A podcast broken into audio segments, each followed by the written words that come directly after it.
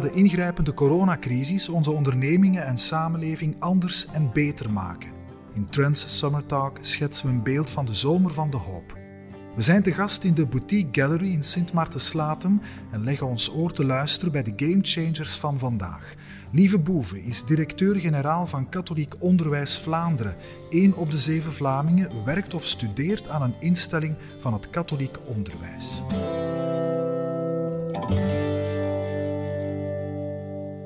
Lieve Boeve, directeur-generaal van Katholiek Onderwijs Vlaanderen, zeer welkom in deze mooie studio. Dankjewel, dankjewel. Straks, binnen twee weken, is het 1 september terug naar school. Nu uh, blijkt dat uh, met het voorbije schooljaar, met schoolsluiting en afstandsonderwijs, veel leerlingen meer dan ooit staan te popelen om terug naar de klas te gaan. In normale tijden was dat wel eens anders. Ik zou zeggen een geluk bij een ongeluk. Zeker. Jonge kinderen ja, hebben altijd wel graag dat de school opnieuw begint. Ze zien hun vriendjes opnieuw. Maar we merken nu ook dat uh, ja, leerlingen, oudere leerlingen, ook studenten, dat die blij zijn dat we misschien een, uh, een normaal schooljaar kunnen aanvangen. Ja, misschien een normaal schooljaar, want dat is nog uh, niet zeker. Daar gaan we het straks over hebben. Een nieuw schooljaar. We gaan naar post-coronatijden hopelijk zo snel mogelijk. Deze uitzendingen zenden wij uit onder de titel De Zomer van de Hoop, omdat we geloven dat we anders beter uit deze crisis kunnen komen. Kan een cliché lijken, maar corona heeft wel het een en ander versneld, trends, ten goede dan. Uh, is dat zo of zijn wij overdreven optimistisch? Wel, corona heeft twee zaken uh, met zich meegebracht. Het heeft een aantal zaken versneld. Denk maar aan digitalisering in het onderwijs. Maar ook een aantal zaken extra duidelijk gemaakt. Hè. Daar waar er problemen waren, heeft corona die ook wel uitvergroot. Hè. Uh, die kinderen bijvoorbeeld die, ja, die minder een sociaal netwerk, een sociaal vangnet hadden, uh, ja, dat hen meetrok, ja, die kinderen hebben meer afgezien van de coronacrisis dan uh, die kinderen die, uh, ja, die van thuis uit meer gestimuleerd werden. En dus wat dat betreft denk ik dat corona zowel ten goede een aantal zaken naar voren gebracht heeft, maar ons ook veel, veel duidelijker gemaakt heeft. Dat kinderarmoede bijvoorbeeld, ook het, het belang van het uh, mentale welzijn van jongeren, dat, dat dat ook een aantal zaken zijn die voor onderwijs en voor de samenleving in het geheel, dat die belangrijk zijn. Ja, dan gaat het over kinderen die ook daardoor mogelijk een leerachterstand hebben opgelopen. Dat is een van de werven voor het komende schooljaar. Nu, elke uh, herstart van het schooljaar is een heuse onderneming. 1,2 miljoen leerlingen in Vlaanderen. Ja. Maar deze keer heb je dat, die impact van corona. Er komen nieuwe eindtermen, er komen nieuwe leerkrachten aan. 2000 nieuwe leerkrachten zouden erbij komen. De digitalisering. Noem maar op. Het is wel een, een stevige dobber dit jaar. Hè? Ja, en er komt ook nog wel een, aantal administratieve aanpassingen. Denken we maar aan de nieuwe evaluatieprocedure voor leraren, versnelde vaste benoeming. Ja, er komt heel, heel veel op onze scholen, directeurs en rechtende machten af. Uh, en een van de problemen is eigenlijk dat het heel, heel laat duidelijk geworden is allemaal. Het einde van vorig schooljaar is er nog heel, heel veel beslist. Dus er zal in de komende twee weken uh, op het moment dat ja, directeurs samen met een team opnieuw aan de slag gaan, nog wel een en ander geregeld moeten worden om dat schooljaar goed te kunnen aanvatten. Ja, inderdaad, de komende twee weken zal, en dan heb ik het meteen over die coronacrisis, um, zal er ook overleg zijn over al dan niet welke beperkende coronamaatregelen. Volgende ja. week dinsdag, 17 augustus, overleg met de minister. Uh, goed, wat daar concreet ook op tafel ligt, is bijvoorbeeld het afvoeren van die mondmaskerplicht. Wat gaat u volgende week daarover zeggen? Wel, wij zullen eerst luisteren naar de virologen, naar de biostatistici. Dat zijn de mensen die ons op de hoogte brengen van de algemene stand, ook de vooruitzichten. Maar als we natuurlijk zo normaal mogelijk kunnen opstarten, en dat betekent zonder mondmasker, dan zijn dat zeker zaken waar wij uh, ja, voor gaan, omdat we toch ook wel merken ja, dat de sociale interactie, die toch ook belangrijk is, als corona ons iets geleerd heeft, dat is dat er niet alleen geleerd wordt op school, maar dat er ook geleefd wordt en we leren leren. Maar we leren ook leven op school. Ja, dat, die sociale interactie, dat die toch bemoeilijkt wordt uh, uh, door de mondmaskers. En als we dat kunnen vermijden, ja, dan zijn we daar zeker ook wel vragende partij voor. En dat hangt af, zoals u zegt, van wat de virologen opmeten qua cijfers. Die zijn misschien wat onrustwekkend. Uh, iets meer ziekenhuisopnames op dit moment dan vorig jaar in augustus zelfs. Er is die Delta-variant. Vreest u dat het mondmasker zal blijven? Maar veel zal afhangen van eh, vaccinatie, denk ik. Vaccinatiegraad ook in het onderwijs, zowel bij personeel als bij leerlingen, de plus 12-jarigen. Daar hebben we al heel mooie cijfers en we hopen dat die nog stevig omhoog gaan. uiteraard blijven we naar, naar bepaalde verstedelijkte gebieden kijken, waar we toch ook hopen dat die vaccinatie daar goed aanslaat. En dan de quarantainemaatregelen, dat is ook wel iets waar we, waar we naar uitkijken, omdat ja, in het lager onderwijs zullen we minder gevaccineerden hebben.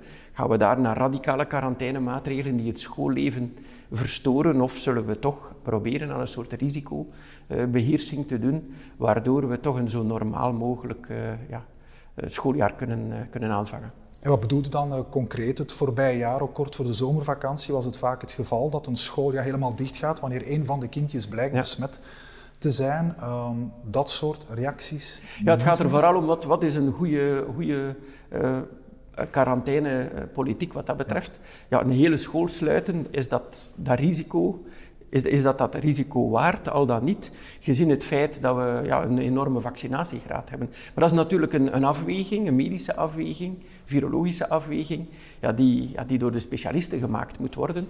Maar ik hoop toch dat we naar een systeem van risicobeheersing gaan dat ervoor zorgt dat we het schoolleven zo normaal mogelijk kunnen opstarten. En vaccinaties, quarantaines, ja. uh, samen met andere maatregelen uh, uh, die op school dan de veiligheid kunnen blijven garanderen. Ik denk maar aan goede luchtventilatie, ik denk ook aan die handhygiëne en andere maatregelen, dat die daarvoor kunnen zorgen. Ja, nog iets over die vaccinaties voor 12-plus-jarigen. Mm. Ehm, op welke manier zou daar nog versneld kunnen gevaccineerd worden? Resten nog twee weken?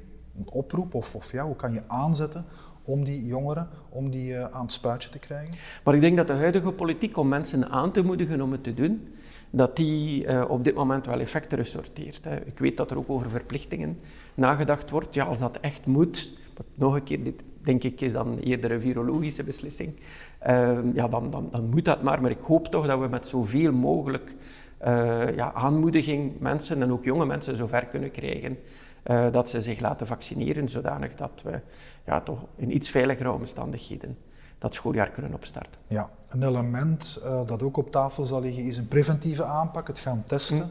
van leerlingen kan met die, uh, met die sneltest, de neuswisser. Mm. Of Hoge Gezondheidsraad stelt voor, ja, biedt gratis PCR-testen aan. Nu, uh, professor psychologie, onderwijsexpert Wouter Duik maakte een eenvoudige rekenoefening op, op Twitter nog deze week en zegt dat 60 miljoen euro per week, dat is een miljard op vier maanden tijd. Ik kan me inbeelden dat u in het onderwijs met een miljard wel, wel wat beters kan aanvangen. Maar dit is het soort risicoafweging waarover ik het heb. Daar zitten een aantal parameters aan. En ik meen te, te begrijpen dat vaccinatie en een hoge vaccinatiegraad, dat dat uh, uiteindelijk nog altijd de beste garantie biedt op een uh, zo normaal mogelijk uh, schoolleven. Samen dan met inderdaad een testing en, en, en vaccinaties en een quarantainepolitiek. Maar die concrete afwegingen daar zijn, ja, zijn een aantal beslissingen, beleidsbeslissingen. Maar de eerste stap daarin is die virologische analyse en die zullen we dinsdag vernemen. Ik hoop inderdaad dat uh, bijvoorbeeld uh, ja, met een, een, een booster prik voor, uh, voor meer kwetsbare groepen, dat we toch ervoor kunnen zorgen dat, zelfs als er besmettingen zijn, bijvoorbeeld in het lager onderwijs, want daar zal er nog niet gevaccineerd zijn, dat we toch het risico zo beperkt mogelijk kunnen houden, zowel voor de leerlingen, die ja, zelden symptomen ontwikkelen, of toch niet zo'n erge symptomen, maar ook voor de omgeving van die leerlingen door het feit ja, dat de rest van de samenleving voldoende gevaccineerd is. Ja, u heeft het over het belang van ventilatie. Um, goed, wij zitten hier bijvoorbeeld nu in een moderne, gerenoveerde, geventileerde ruimte, waardoor we op een veilige manier met elkaar kunnen spreken. Schoolgebouwen zijn vaak oud. Kan daar goed geventileerd worden? Ja, de meeste van onze schoolgebouwen, tot, tot meer dan 50 procent, zijn 50 jaar oud. Hè. Uh, dus dat betekent dat ja, ventilatie en, en ja, ingewikkeldere ventilatiesystemen, ja, dat die daar niet aanwezig zijn en dat het vaak ook niet de moeite loont om die daar te installeren. Waarom? Omdat we, beginnen aan. omdat, we, ja, omdat we tot 30 jaar een investering moeten kunnen afschrijven en die schoolgebouwen gaan zo lang niet meer mee. Dus dat betekent eigenlijk dat ja, de, het, het, openen van deuren en vensters, dat dat vaak in een aantal schoolgebouwen de enige manier is om die luchtkwaliteit op, uh, op, uh, op op, op niveau te houden. Wat wij merken is dat een heel aantal van onze scholen, preventieadviseurs, die werken met CO2-meters, die, eh, die, die, die, die, doen testen in scholen om te kijken welke lokalen meer risico eh, hebben dan andere en proberen dan in de mate van het mogelijke toch eh, aan die luchtventilatie te werken. Maar we blijven wel met een, ja, met een enorme ja, achterstand zitten wat de, de, opfrissing van onze, en de vernieuwing van onze schoolinfrastructuur betreft. Ja. Op, op, de wachtlijst op dit moment hebben wij, het katholiek onderwijs alleen al projecten tot 3 miljard euro staan. Er is een wachtlijst van meer dan 10 jaar. Ja, u begrijpt dat dat geen ideale situatie is. En dat het jammer genoeg behelpen is, maar ook dat behelpen blijft belangrijk in, uh, in die strijd tegen corona. Ja, en dat is dan een oudseer, die wachtlijsten, um, wat dan door, nu door corona eens te meer opnieuw als pijnpunt is uh, blootgelegd. We hebben er eigenlijk weinig over gehoord, over uh, die schoolinfrastructuur de voorbije ja. maanden, omdat het vaak ging over die corona-aanpak. Maar daar voel ik toch duidelijk een oproep van, ja, maak er nu echt iets werk van.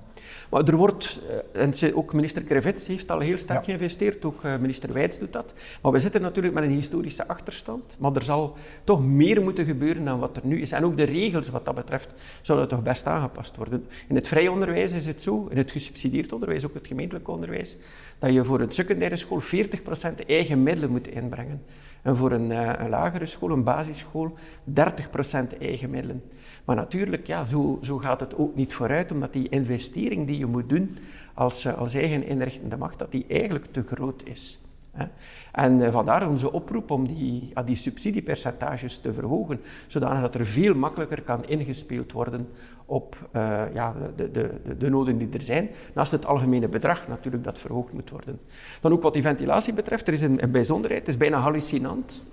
Maar een investering moet je 30 jaar terugbetalen. Dus stel, je, stel je voor dat je een, een, schoolgebouw van 50 jaar oud, dat je daar een hele vernieuwde ventilatie in bouwt, maar dat je na 10 jaar beslist, we gaan een nieuwe school zetten, dus na 60 jaar, dan moet je eerst nog 20 jaar dat nieuwe ventilatiesysteem terugbetalen vooraleer je die nieuwe school kunt zetten. Om maar eens te zeggen, ook het subsidiesysteem zelf ja, moedigt eigenlijk geen uh, ja, vernieuwing van die, van die schoolgebouwen aan.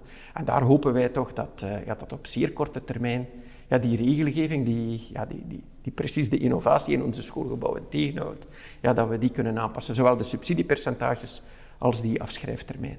Ja, dat is een uh, heel duidelijke boodschap die u volgende week op het overleg al op tafel kan leggen. Ja, infrastructuur um, zal misschien wat minder besproken worden daar. Uh, ik denk dat het daar vooral zal gaan over, uh, ja, zoals gezegd, die vaccinatie, quarantaine ja. en die algemene maatregelen, hygiënemaatregelen, die toch ook wel belangrijk zullen blijven. Wellicht ja, zal dat uh, de winst van corona zijn. Hè? Dat we sowieso meer aandacht hebben ja, voor handhygiëne, voor luchtventilatie, uh, ook na corona. Dat is de winst van corona. Een nare erfenis van corona is de leervertraging of leerachterstand. Um, we zagen het voorbije jaar vaak cijfers van scholengroepen of individuele scholen die dat op een of andere manier proberen te meten bij de leerlingen. Goed, zijn er cijfers, indicaties die tonen van goed, we zitten zoveel maanden achter op het normale leerprogramma? Niet in zijn algemeenheid. We hadden vorig jaar wel uh, een, een, een, onderzoek gedaan, uh, omdat er toen schoolsluiting was. Hè. Dat was een, ja. een onderzoek bij het lager onderwijs. Um, ja, we hebben dit jaar in het lager onderwijs, in het basisonderwijs, geen schoolsluiting gehad. We hebben wel twee keer een verlenging van de vakantie gehad. Uh, en uit wat wij tot nu toe hebben kunnen opmaken, ook na de, ja, de, de, deliberaties en zo verder, dat is eigenlijk dat het zeer, zeer ongelijk is. Dat je niet zomaar kunt zeggen, er is een algemene achterstand. Een aantal leerlingen hebben geprofiteerd ook van het afstandsonderwijs, bijvoorbeeld in het, in de tweede, derde graad secundair onderwijs. Hè. Een aantal, uh, we merken ook aan in het hoger onderwijs dat, dat men niet zomaar zegt dat dat afstandsonderwijs geleid ja, heeft tot, tot, tot kwaliteitsverlies. Vrij, vrij goede cijfers. Ja, ja en in het, maar in het leerplichtonderwijs moet je vooral zeggen dat daar waar leerlingen al voor een stukje ja, minder gesteund werden van thuis uit, ook geen sociale omgeving hadden die dat, die dat aanmoedigde, dat die leerlingen nog wel meer uh, ja, het slachtoffer daarvan geworden zijn. En een tweede zaak, denk ik, en wat, we, wat, wat corona heel, heel, heel sterk naar voren gebracht heeft, en dat ook ja, een valse tegenstelling in ons onderwijs eindelijk opnieuw weer onderuit haalt, dat is die tegenstelling tussen leren en welzijn. Vaak werd er gezegd, scholen zijn te veel met welzijn bezig, er wordt te weinig geleerd. Maar ik denk dat corona voor eens en voor altijd duidelijk gemaakt heeft dat als er geen basisniveau is van comfort, ook sociaal comfort van interactie, dat een aantal leerlingen ook niet meer tot leren komen. We hebben zelf onderzoek gedaan. Wat is in het lager onderwijs heel sterk opgevallen, dat is eigenlijk dat de zin tot initiatief van leerlingen, dat dat voor een stukje weg hebt. En waarom was dat? Omdat de school, iedereen had een vaste plaats, er, mocht niet meer, er was veel minder interactie. Ja, leerlingen ja, waren zo niet meer voor een stuk geïncentiveerd om zelf initiatief te beetje, nemen. Een beetje lam geslagen bijna door die uh, situatie. Ja, enerzijds. En in het secundair zag je voor een stukje dat ja, de wil om te leren voor een stukje eruit ging, precies ja, omdat ja, die, die sociale interactie, dat leven, wat op school toch ook belangrijk is, dat dat, dat, dat precies heel sterk uh, onder druk kwam te staan. Ja, de cijfers ook, ja, de, de, de kinderpsychiaters hebben het ons ook nog uh, aangegeven.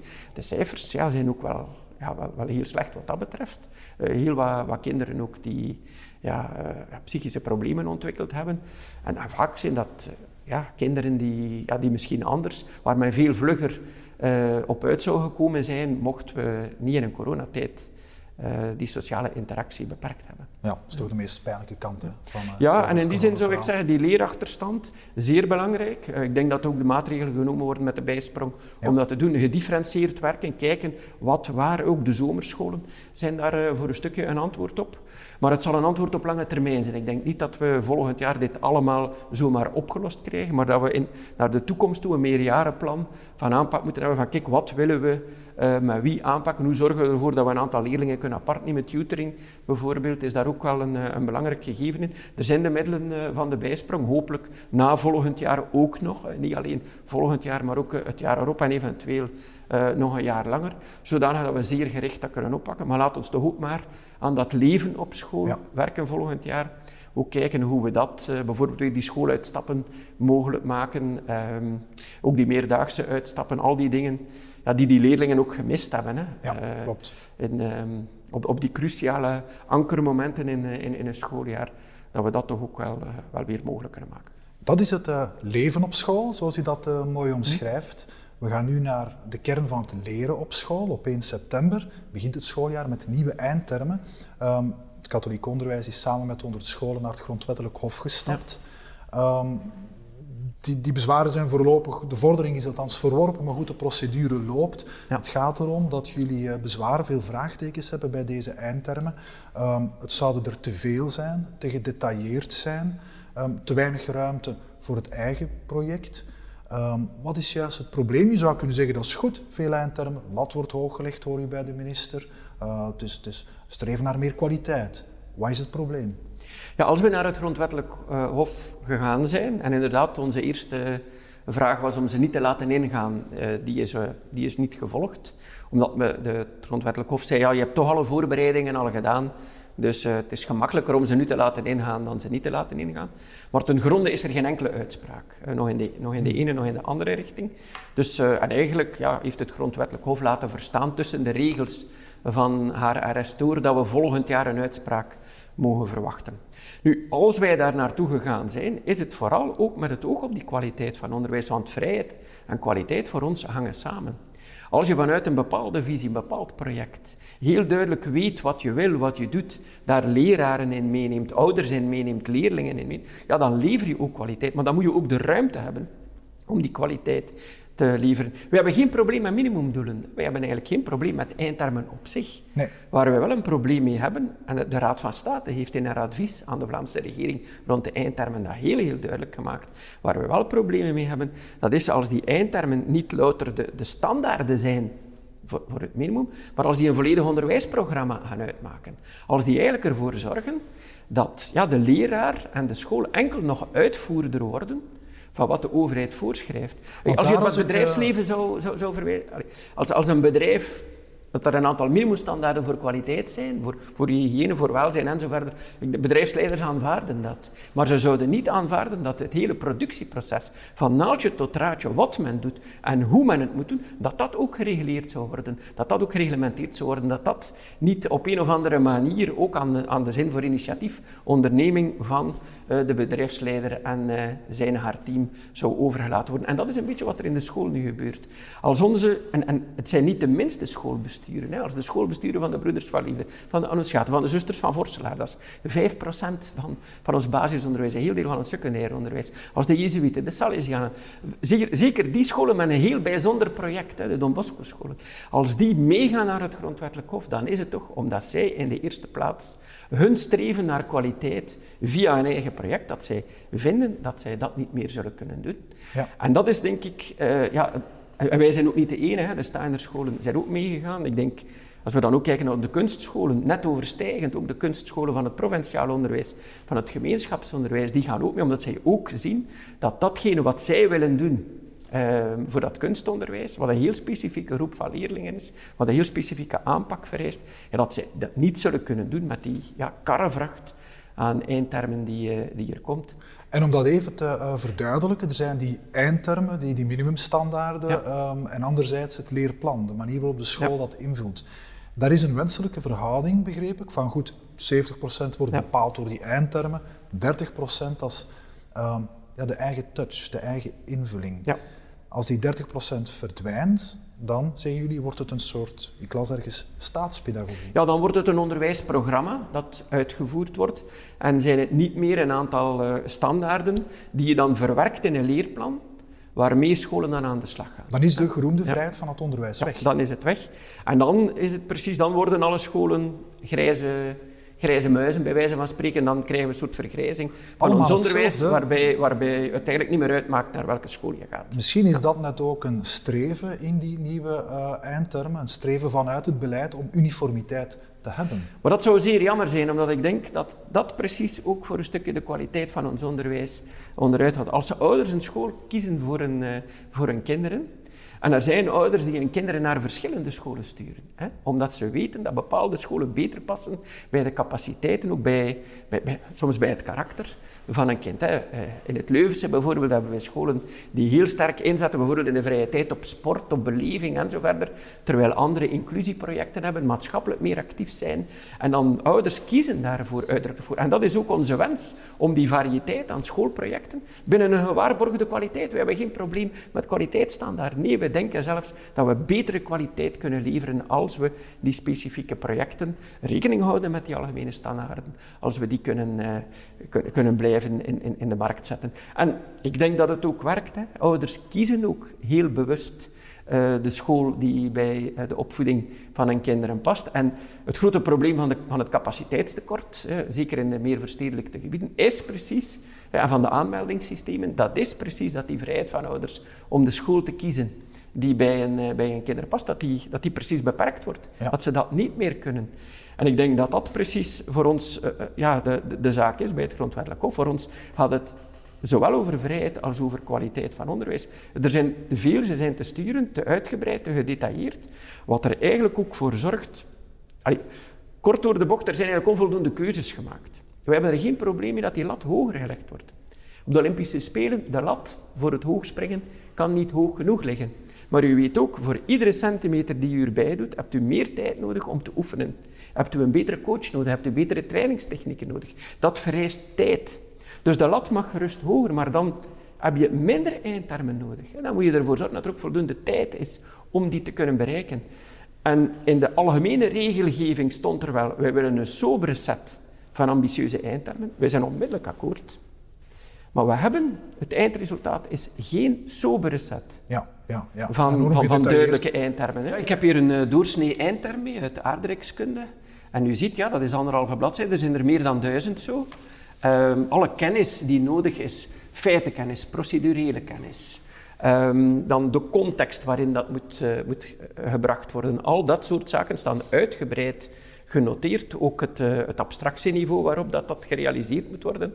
Om maar te zeggen, ja, dit, ja. dit legt eigenlijk in heel, heel grote mate vast hoe een leraar, hoe een school met bepaalde stof aan de slag moet. Zozeer vast dat er nog weinig ruimte blijft om daar uh, eigen zaken mee te doen. Want als ik het lees en ik begrijp dat leerkrachten, individuele leerkrachten, het hier moeilijk mee hebben, dat, uh, dat laatste luikje, namelijk hier wordt ook niet alleen uitgelegd wat je moet doseren, maar ook de manier waarop. En dat is een van de problemen uh, die we aangekaart hebben, namelijk het sturende karakter van, van de eindterm. En vandaar dat wij zeggen, het gaat over ja, een, een onderwijsprogramma, niet alleen wat de inhoud betreft, maar ook over de wijze waarop dit moet gerealiseerd worden. En dat is de uniformering van ons onderwijs. Ja, dat staat precies in schril contrast met die, ja, de vrijheid van onderwijs, die precies een veelheid aan, uh, aan pedagogische projecten dient mogelijk te maken, zodanig dat ouders inderdaad de school kunnen kiezen die, die bij hun kind past. En uh, voor de ene zal dat een school zijn die, die echt heel sterk inzet op uh, bijvoorbeeld uh, ja, die voorbereiding op, op, uh, op, op hoger onderwijs, op stemonderwijs en zo verder. Terwijl voor anderen dat eerder kunstonderwijs zal zijn, die hebben uit, uitdruk, uitdrukkelijk ook wel hoger onderwijs als bedoeling, maar, maar, maar brengen ook andere zaken okay, aan ja. die voor leerlingen belangrijk kunnen zijn. Trouwens, de vorige eindtermen die dateren van voor het secundair van 1996, dat is lang geleden. Ik was toen 15, Jean-Luc Dehane was nog premier internet. Daar las je over. Dat was iets eh, in Amerika met computers toen. Dat is een kwart eeuw, dat is echt lang geleden. Ja. ja, mochten we het alleen met eindtermen moeten doen, dan hadden we een probleem. Maar natuurlijk, onze leerplannen zijn ondertussen wel heel sterk aangepast. Die nieuwe ontwikkelingen zijn ook meegenomen. Niet vergeten dat er ook een tijd geweest is dat er geen eindtermen waren. En toen gaven we ook onderwijs. Hè. Um, vandaar ook, eindtermen zijn één element. Dat gaat over die minimumdoelen. Die, moet, die moesten zeker aangepast worden. Maar onderwijs gaat normaal gezien over veel meer uh, dan die eindtermen. En dat is precies de reden waarom wij vinden dat die eindtermen best beperkt worden tot datgene waar ze voor ze bedoeld zijn. Namelijk die minimumstandaard. Wij gaven toen ook onderwijs. En inmiddels, twintig jaar later, blijkt onze onderwijskwaliteit, het niveau van ons onderwijs, de output, blijkt dat te dalen, zeggen internationale eh, studies. Ehm, dat valt samen met de periode van het invoeren van die eindtermen. Ja, dat is een, uh, ik weet niet of dat, of dat daar een oorzakelijk verband is. Ja, een, een Dirk van Damme zegt dat, dat dat eventueel wel zo zou kunnen zijn. Dirk van dus- Damme was de toenmalige kabinetchef van onderwijs, die nu inderdaad toe, toegeeft dat de aanpak ja, niet geloond heeft. Maar ook Jan van Damme, een onderzoeker eh, aan de KU Leuven die daar onderzoek rond gedaan heeft, ja, denkt ook dat het invoeren van de eindtermen en het feit dat die als het, als het ware als het doel van onderwijs naar voren geschoven zijn, niet als een minimumdoel, maar als het doel wat je eigenlijk in onderwijs moet doen, dat dat een van de belangrijke redenen is waarom uh, er aan kwaliteitsverlies, uh, waarom we kwaliteitsverlies lijden. Of dat de reden is of niet. Wat ik vooral vaststel, is dat er geen enkele wetenschapper is die één oorzaak kan aangeven. Hè? En vandaar dat, dat, ik denk, als we aan die onderwijskwaliteit uh, dienen te werken, dat, ja, dat we alle elementen die met onderwijs te maken hebben, en infrastructuur is er één, maar ook leraren, leraren, tekort kwaliteit van leraren, dat zijn andere eindtermen, uh, ook, ook, toetsen, uh, evaluatie, uh, het hele evaluatiecultuur in ons onderwijs, hè, de kwaliteitscultuur in on, ons onderwijs. Dit zijn allemaal elementen waar we best op inzetten als we die tanker, ja. uh, die onderwijstanker uh, willen kiezen. Als ik een voorbeeld geef, de leesvaardigheid, uit de PISA-studie ja. blijkt dat daar, dat is dan 15-jarigen, ja. dat we na vele jaren uit de top 10 zijn gevallen. Voor veel kinderen, jongeren, blijkt lezen ook een grote moeite. 60% doet het eigenlijk tegen zijn zin. Hoe doen we ze beter lezen en opnieuw beter begrijpend lezen? Ja, eigenlijk is dat erg, hè? want uh, lezen is de basis uh, van alles. Uh, ja, er zijn er een, een, een, aantal zaken op te Ten eerste, ja, wat is de reden? Mochten we één oorzaak hebben, ja, dan weten we ja. dat we dat moeten aanpakken. Leestijd bijvoorbeeld is zeker een element. Maar dit hangt natuurlijk samen met een heel aantal zaken op school. De school doet ook veel meer dan vroeger. Er wordt heel, heel veel vragen komen naar de school. Maatschappelijke problemen denk, die de scholen ja, moeten oplossen. Het is niet voor niets dat er zoveel eindtermen zijn. Dat is ook omdat er zoveel verwachtingen zijn naar het onderwijs. Dus ik denk opnieuw focussen op een aantal kerntaken van het onderwijs, dat dat belangrijk zal zijn. En in het basisonderwijs is inderdaad lezen, rekenen, een aantal meer van die, die, die, algemene vaardigheden, zeer belangrijk, zonder al de andere zaken uit het oog te verliezen. Het gaat telkens over een goed evenwicht vinden. Maar dit is niet alleen een verantwoordelijkheid van de school. De school heeft daar een belangrijke verantwoordelijkheid, dat laat dat duidelijk zijn. Maar ik vraag me af, hoeveel kinderen zien hun ouders nog een boek lezen? Ja, het gaat over de cultuur in het Hoe, gezin zelf. Waar, waar, wat is de plaats van het lezen in onze samenleving? Ja. It, it takes a village to raise a child. Hè? Er staat niet, it takes a school to raise a child, it takes a village. En de school maakt, een, maakt deel uit van, van het dorp. Maar ook alle andere pedagogische milieus, en dan hebben we het over de thuissituatie, dan heb ik het over het verenigingsleven, over de algemene cultuur. Ja, we zien, de ontlezing is niet alleen iets wat op school gebeurt. Het is iets in het geheel van onze samenleving.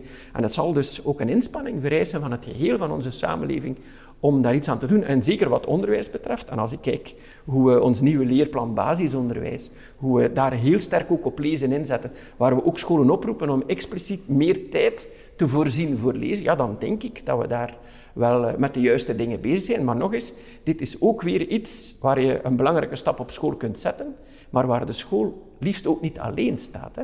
Dat, dat ouders ook nog maar eens een boek kopen als een geschenk voor een, voor een kind bijvoorbeeld, bij de verjaardag of, of, of met nieuwjaar of, of Sinterklaas een keer een boek brengt, zodanig dat ja, die leescultuur ook, uh, ja, ook, ook bevorderd wordt Ja. eh, in de andere pedagogische milieus dan alleen op school. We hangen eh, met z'n allen ook als volwassenen vaak aan het eh, kleine of grote scherm. Ja, die, ja, wat dat betreft is, ja, is, is onze samenleving veranderd, maar lezen blijft wel een belangrijke vaardigheid. En het zou jammer, jammer zijn ook dat die plezier van het lezen, en ook wat lezen doet met de verbeelding, het feit dat er werelden opengaan, hè, ja, dat dat, dat, dat eh, ja, eraan ten onder zou gaan. Misschien komt er een oplossing uit een verrassende hoek. Ik las net dat TikTok, een populaire app bij, bij kinderen, ik weet niet of u het kent, maar van, van ver, hè. er is- dat is niet onze generatie. er is, eh, er is daar kennelijk wel een hype. Uh, TikBook, waar Ja. jongeren in zo'n korte flitsende filmpjes boekentips geven, boeken Ja. aanraden.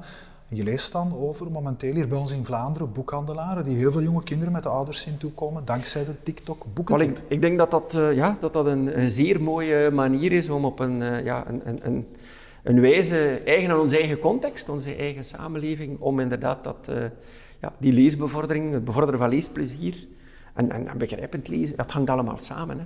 Ja. Eh, ook dat technisch lezen, eh, dat we al die zaken in, in een samenhang eh, opnieuw op de kaart kunnen zetten. Nog om dat onderwijsniveau op te krieken, worden er nu centrale toetsen eh, gehouden vanaf 2023, dacht ik. Gedurende de hele schoolcarrière vier momenten om het te, weten, te meten. Nu, ik dacht, ja, in zover ik mijn carrière herinner, waren er toch ook al, of zijn er Ja. toch al, een vorm van centrale toetsen? Ja, wij hadden in, in het katholiek onderwijs eh, onze IDP-toetsen. Ook het gemeentelijk onderwijs had op niveau, op niveau van het lager onderwijs hadden ze dat. Het vierde en het zesde leerjaar hebben wij het eh, bij ons. Eh, nu zou het voor heel Vlaanderen zijn. We waren eigenlijk ook van plan met de invoering van de nieuwe eindtermen leerplan in eerste graad. Om ook toetsen te maken voor ons secundair onderwijs.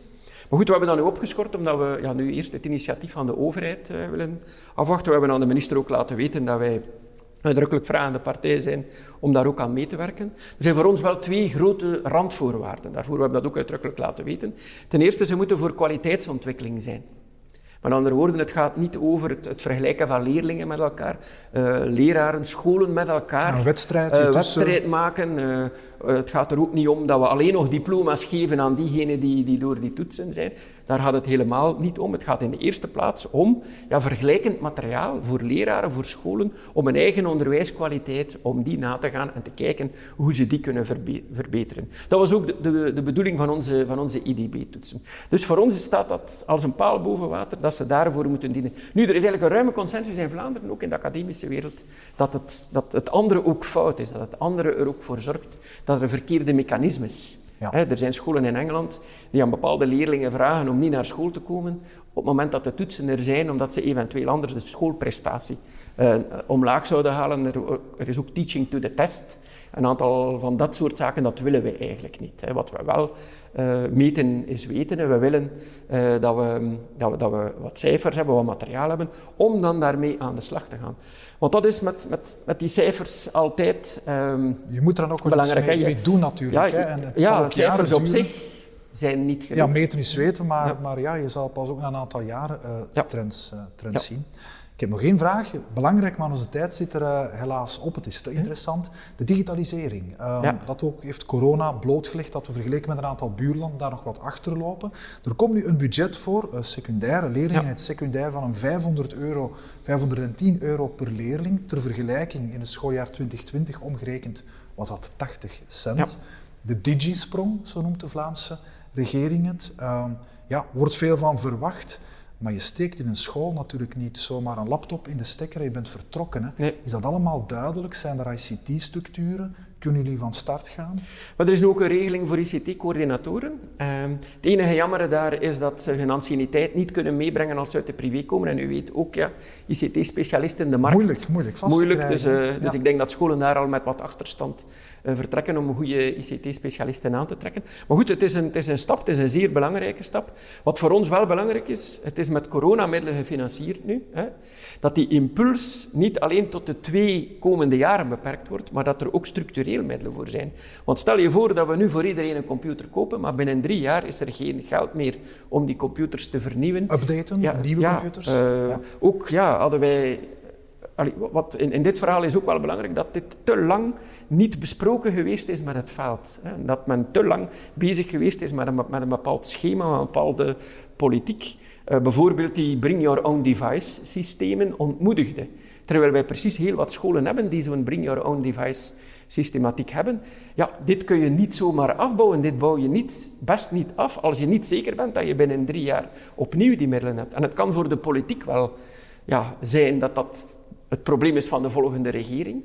Maar voor een school is dat het probleem ja. van, van, van, van, vijf jaar, ongeacht welke regering dus dat op dat is moment... een eh, structurele uh, aanpak dat dat vraagt, dat moet ingebed worden in het onderwijs van de toekomst, van het nu. Uh, laatste vraagje nog, het afstandsonderwijs.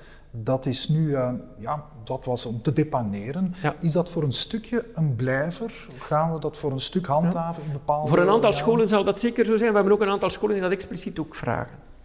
Die zeggen, van, kijk, maak het ons mogelijk om bijvoorbeeld een halve dag per week of een dag per week of voor bepaalde modules om daar uh, stukken afstandsonderwijs in te doen. En ik denk dat de regelgeving best daarop aangepast wordt. Hè. Dat kan op dit moment eigenlijk niet, of toch niet uh, ja, eenduidig. Maar er zijn ook een aantal scholen die heel, heel duidelijk, en dat heeft ook met een pedagogisch project te maken, gezegd hebben nee. Wij weten vooral dat wij nu fysiek met leerlingen willen bezig zijn. Ja, en dat merken we ook in ons hoger onderwijs. Hè. Uh, als er iets is wat ons hoger onderwijs ook zegt, is van wij hebben zoveel afstandsonderwijs gehad, laat ons nu maar on-campus opnieuw. En natuurlijk zullen we wel een aantal dingen overhouden. Uh, een aantal scholen uh, zullen dat zeker doen. Die digitalisering is sowieso, heeft sowieso een enorme impuls gekregen.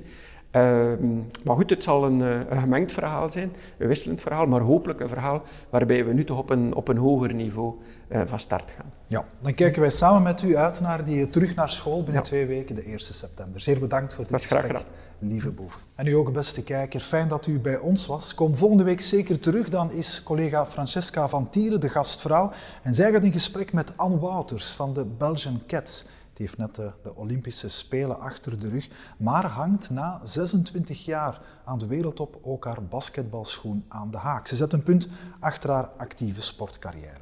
Een Trend Summer Talk dus over een leven in en voor de sport. Dat is voor volgende week. Graag tot dan.